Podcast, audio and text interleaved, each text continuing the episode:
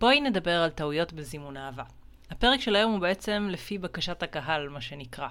לפני כמה זמן שאלתי בסטורי באינסטגרם על מה בזימון אהבה תרצו שאני אקליט פרק, ומתוך התשובות שעלו, ככה ליקדתי וחידדתי את הנושא שאנחנו נדבר עליו היום, שהוא טעויות נפוצות בזימון של האהבה המדויקת שלך.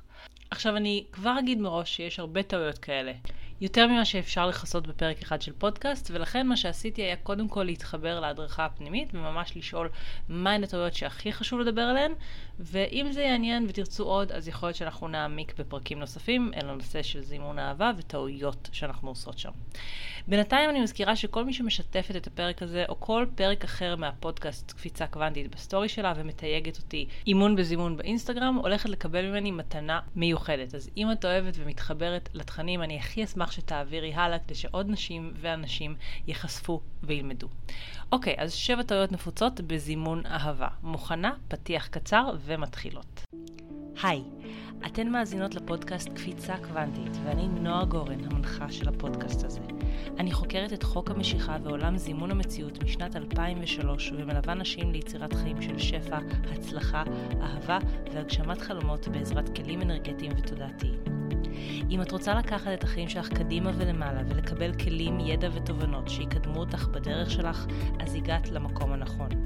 בפודקאסט הזה אנחנו נדבר על מה באת לעשות פה בעולם הזה, מה הולך ליצור לך את חיי השפע והשגשוג שאת מבקשת לעצמך, מה מעכב הגשמה והצלחה, ומה יכול לייצר קפיצות קוונטיות, אותם שינויי מציאות מהירים שמרגישים כמו קסם אמיתי כשהם קורים. מוכנה? אנחנו מתחילות.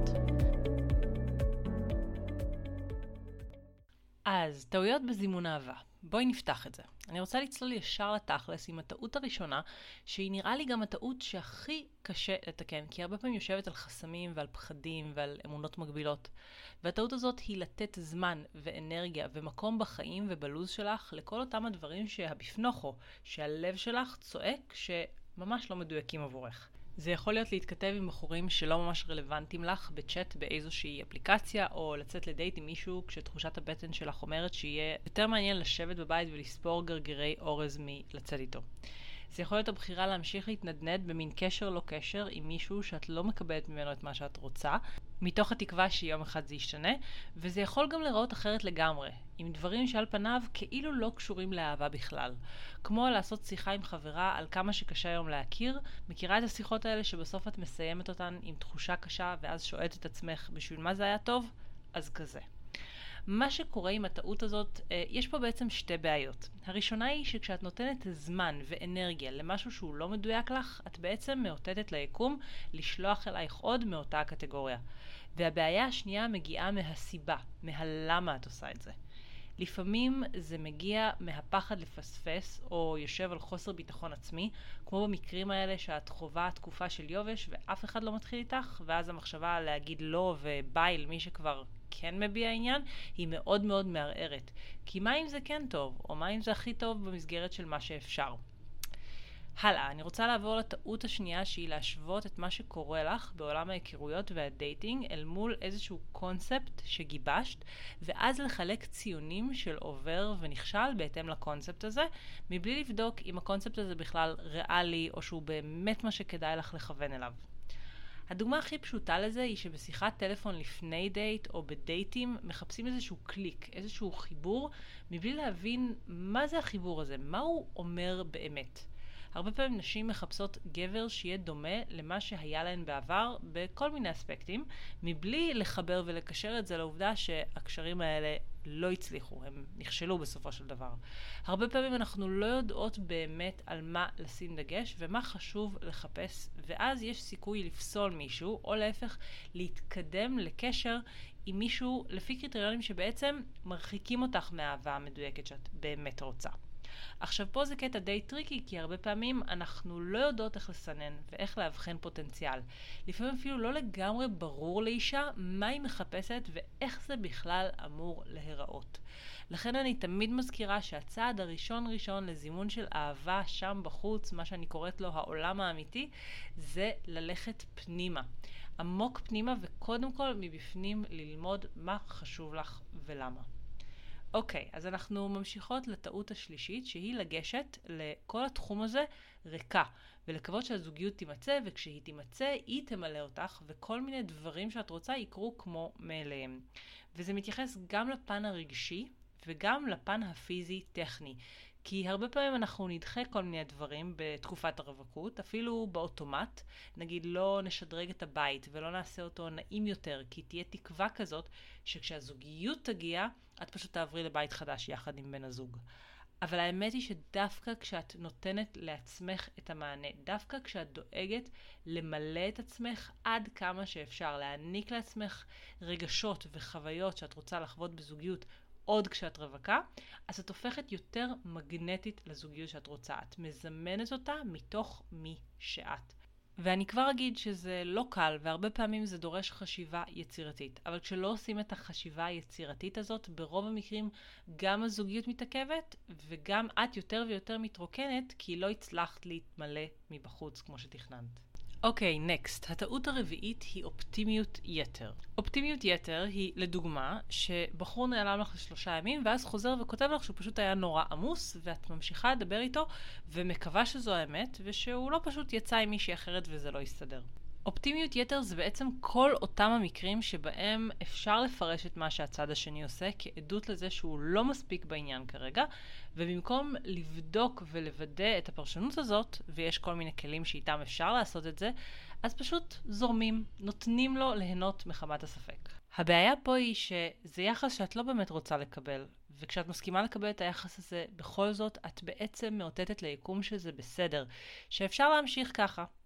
והעיקרון שלדעתי הכי עוזר למנוע את הטעות הזאת, הוא לחדד לעצמך את ההבנה שכשגבר רוצה אישה, והוא גם מוכן להיכנס איתה לזוגיות, וזה מה שאנחנו רוצות, את השילוב הזה, אז הוא ישקף את זה במעשים שלו. ואת לא עוזרת לו לרצות, או להבין שהוא רוצה, כשאת מבינה ומקבלת התנהגויות שבעצם לא מתאימות לך. אוקיי, אז אני ממשיכה לטעות החמישית, שהיא לדחות את העבודה הפנימית.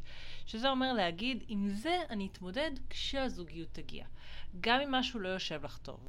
גם אם יש חוסר ביטחון עצמי, או חוסר בהחלטיות, או פחד להיפגע, הרבה פעמים מנתקים את זה מהסיכוי למצוא אהבה מדויקת. זה כאילו בראש לא קשור. אני אמשיך להיות אני, בלי להתפתח, בלי ללמוד מה אני יכולה לשפר. עכשיו, הטעות הזאת היא כפולה, כי עבודה פנימית היא דבר מתגמל, בין אם את רווקה ובין אם את בזוגיות. עבודה פנימית זה משהו שאת רוצה לעשות קודם כל בשביל עצמך ובשביל שלך יהיה יותר טוב עם מי שאת ביומיום, מחר, מחרתיים, שבוע הבא. רק אחר כך הבונוס הנוסף, והוא בונוס ענק, זה שעם העבודה הפנימית הזאת את מגדילה משמעותית את הסיכוי לזמן ולחוות זוגיות שהיא מדויקת והיא טובה והיא באמת מתאימה לך ולמה שאת רוצה בחיים. וכאן נמצא כפל הטעות. המיינד אומר, מה יש לי לעשות עבודה אם עדיין אין זוגיות? חבל לי על הזמן. אבל דווקא כשאת עושה את העבודה הזאת ופותרת מראש דברים שאת יודעת שכנראה יצוצו בזוגיות כשהיא תגיע, דווקא אז הסיכוי לזוגיות עולה. הלאה, אנחנו עוברות לטעות השישית שהיא לא לעשות reframing, מה שנקרא בעברית מסגור מחדש, לסיפור שהיה לך עד היום. הרבה פעמים, במיוחד בתקופות ארוכות של רווקות, תהיה הנטייה לדחוס את כל מה שקרה לך לאיזשהו סל אחד גדול. להגיד, אני כבר X שנים רווקה, או Y שנים בלי זוגיות. ולשכוח שהתקופה הזאת כוללת בתוכה תתי תקופות. נגיד לדוגמה היא כוללת בה את התקופה שבכלל התאוששת מפרידה ולא היית מוכנה רגשית לאף אחד אחר ולשום דבר. והיא כוללת את התקופה שבה לא ממש ידעת מה את רוצה ומחפשת בזוגיות, ואז את התקופה שכן דייקת ועשית איזושהי עבודה פנימית, ואז אולי, סתם אני זורקת, את התקופה שהייתה דממת אלחוט ואפס הזדמנויות רלוונטיות. כשמתחילים לפרוט תקופה של רווקות שמרגישה ארוכה מאוד לתתי תקופות, זה עוזר להבין שהסיפור שלך הוא לא סטטי, זה סיפור בהתפתחות. את בתנועה ואת לא איפה שהיית כשהתחלת. את מתקדמת, גם אם להתקדמות הזאת אין עדיין את הצורה של קשר זוגי אוהב. והמסגור מחדש הזה, הרפריימינג הזה, עוזר פלאים להרים אנרגיות ולגשת אל הנקודה הנוכחית בצורה נעימה ומעצימה יותר. אוקיי, ואנחנו מגיעות עכשיו לטעות השביעית, שאותה ממש ממש קל לעשות, והטעות הזאת היא לא להתייחס לזמן הנוכחי בחייך כאל מתנה יקרה מפז. הרבה פעמים כשאת כבר הרבה זמן בסטטוס הזה של רווקה, אז קשה לזהות את היופי שיש פה, את היתרונות שקיימים בתקופה הזאת, ותסמכי עליי שהם קיימים. יש המון יופי בזוגיות, אבל כמעט כל אישה בזוגיות מגיעה לנקודות האלה שהיא נזכרת בחיי הרווקות שלה, בדברים שהיא יכלה לעשות כשהיא הייתה רווקה, ובא לה קצת שוב. אחד מהתפקידים של הרווקות זו להיות תקופה שבה את גם ממלאת מצבורים ומאגרים לקראת זוגיות, וזה משהו שחבל מאוד לפספס. ומעבר לזה, גם ברמה האנרגטית, רק כשאת בונה ומחזקת בתוכך את היכולת לקבל את מה שיש כרגע, את מייצרת את התנאים שמאפשרים למצב הזה ללכת.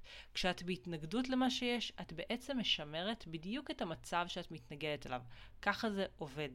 עכשיו, גם אם נדמה לך שאין הרבה יתרונות ברווקות, אני תמיד אומרת, בחיים בכלל ובזימון זוגיות בפרט, הכל זה עניין של פרספקטיבה, של פרשנות מיטיבה.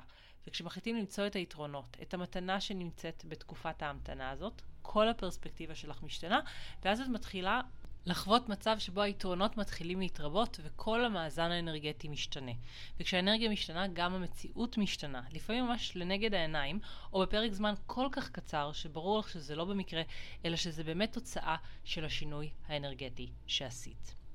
אוקיי, אז אלו היו שבע טעויות נפוצות בזימון אהבה, שכמו שאמרתי, הן רק חלק ממגוון הטעויות שעושים באופן טבעי בדרך אל האהבה. אם את רוצה להעמיק יותר ולקבל כלים לזימון הזוגיות המדויקת שלך, אני מזמינה אותך ליצור קשר ולהכיר את הקורסים ואת תוכניות הליווי של אימון בזימון. חפשי אותי באינסטגרם אימון בזימון. אז תודה רבה שהאזנת לפרק הזה. אם אהבת את מה ששמעת, אני הכי אשמח בעולם אם תשתפי ותדרגי ותעבירי הלאה למי שהתוכן הזה יכול לעזור לה. ואם את עדיין לא עוקבת אחריי באינסטגרם, אני מחכה לך שם. חפשי אימון בזימון כדי לקבל ממני ים של תוכן, הדרכות וטיפים על איך לעשות קפיצות קוונטיות וליצור את החיים שאת רוצה בקלילות ובהנאה.